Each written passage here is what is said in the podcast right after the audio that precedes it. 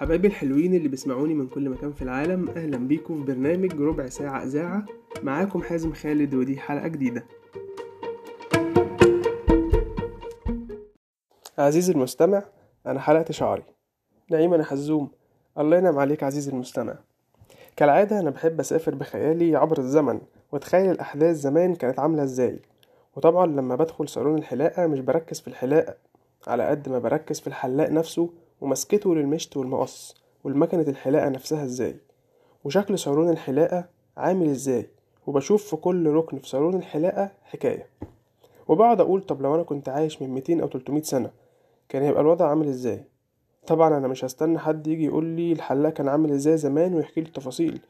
استنيت أخرج من عند الحلاق ورحت عامل السيرش الجميل وجيت أونسك وأخلي وقتك اللي أنت بتسمعني فيه دلوقتي ده مفيد. وجبت لك معلومات وأحداث حصلت على مدار سنين كتير في ربع ساعة إذاعة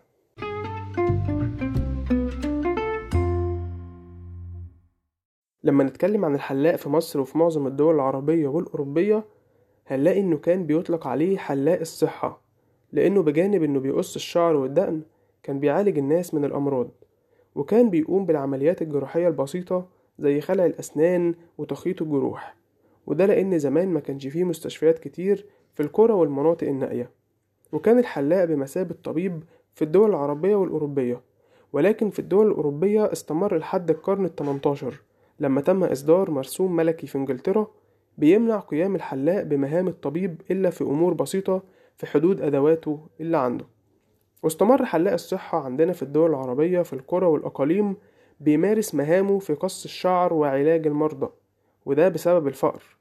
اللي خلى أي أم ابنها يتعب تروح للحلاق علشان يكتبله على أي وصفة في مقابل حفنة من القمح أو البيض أو أي حاجة تدخل بيها على الحلاق عشان يعالج ابنها. المهم ما تروحش بإيديها فاضية.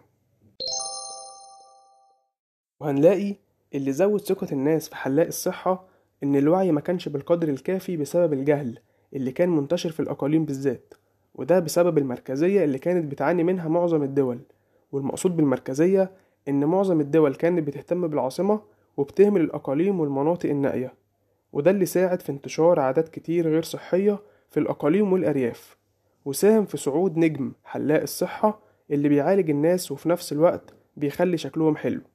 وطبعا مع الوقت زاد عدد المتعلمين وبالتالي ارتفع معدل الوعي عند الناس وعرفوا إن الطب هي مهنة الطبيب وإن الحلاق لابد إن عمله يقتصر على قص الشعر وتهذيب اللحية وكل ما يتعلق بالوجه بشكل عام.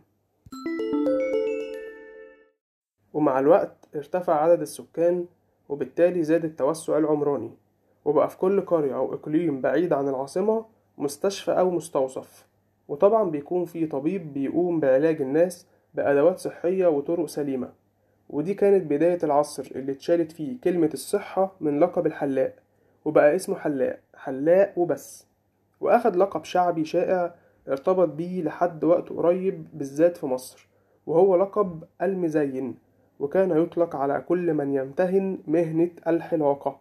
وده كنوع من الاستقلال عن حلاقين الصحة وبداية عصر جديد لمهنة الحلاقة في مصر والدول العربية.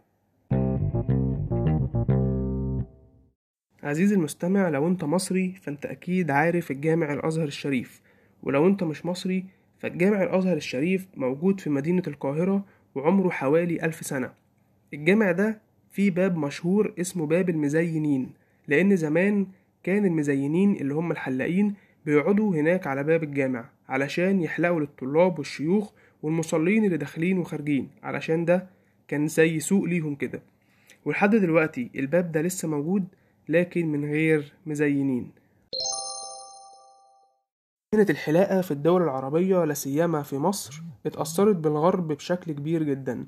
من أول شكل صالون الحلاقة مرورا بالأدوات وشكل قصات الشعر لحد يوم الاثنين اللي الحلاقين في مصر بياخدوه أجازة على غرار الدول الأوروبية. لأن زي ما إحنا عارفين في أوروبا العطلة الأسبوعية بتكون يوم الحد فطبعا الحلاقين بيكونوا فاتحين يوم الحد علشان ما يضيعوش على نفسهم الزباين اللي واخدين أجازة من شغلهم وهيروحوا يحلقوا عندهم. وقرروا يعتمدوا أجازتهم يوم الاثنين.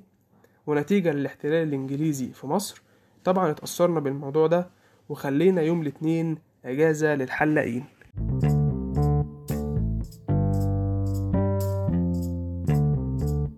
مع مرور الوقت تطور الأمر وصالون الحلاقة بقى اسمه كوافير.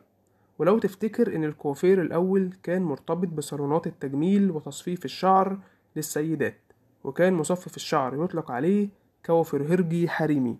ودلوقتي الكوافير بقى للرجال وللسيدات. وممكن تلاقي واحدة قصة شعرها زي الولاد زي ما هتلاقي كمان ولد قاصص شعره زي البنات. وده يرجعنا لجزئية إننا ما نحكمش على الناس بالمظاهر لأن الحلاق أو الكوافيرجي هو اللي بيقرر شكلك هيكون إزاي. عزيزي المستمع لو أنت كنت عايش في أحد القرى المصرية قبل الانفتاح والعولمة فكنت تقدر بسهولة تحلق شعرك ودقنك وتعمل كل اللي انت عاوزه عن طريق بيضتين وجبنة قريش أو أي حاجة عندك في البيت تديها للحلاق في مقابل إن هو حلق لك. لكن دلوقتي في ظل مجتمع رأس مالي أصبح هناك تسعيرة في معظم صالونات الحلاقة وعلى حسب كل صالون حلاقة وعلى حسب المنطقة بيتم تحديد السعر. لكن في المناطق الشعبية الموضوع بيكون تقديري بحت. يعني على حسب تعب الحلاق معاك في الحلاقة انت بتحدد الحلاق يستاهل كام. لذلك الحلاق يفضل يتكلم معاك كتير ويطول في الحلاقة ويفضل يتودد ليك ويبالغ في اللي بيعمله لدرجة تحسسك إن هو بيرسم لك لوحة على دماغك. لكن أنا بشوف ده شيء طبيعي الحلاق بيعمله علشان يوطد علاقته بيك وأنت تحبه أكتر وتجيله وتحلق عنده تاني. في النهاية هو إنسان بيقدم لك خدمة في مقابل المال وأنت تقدر تثق فيه أو ما ولكن لازم تثق في الحلاق بتاعك علشان دي حاجة مهمة جدا. لأن دماغك بتكون تحت إيده.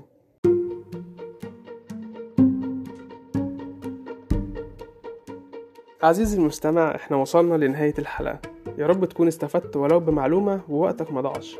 لو المحتوى عجبك وحابب تدعمني فممكن تعمل شير للحلقة وتخلي صحابك وأهلك يسمعوها.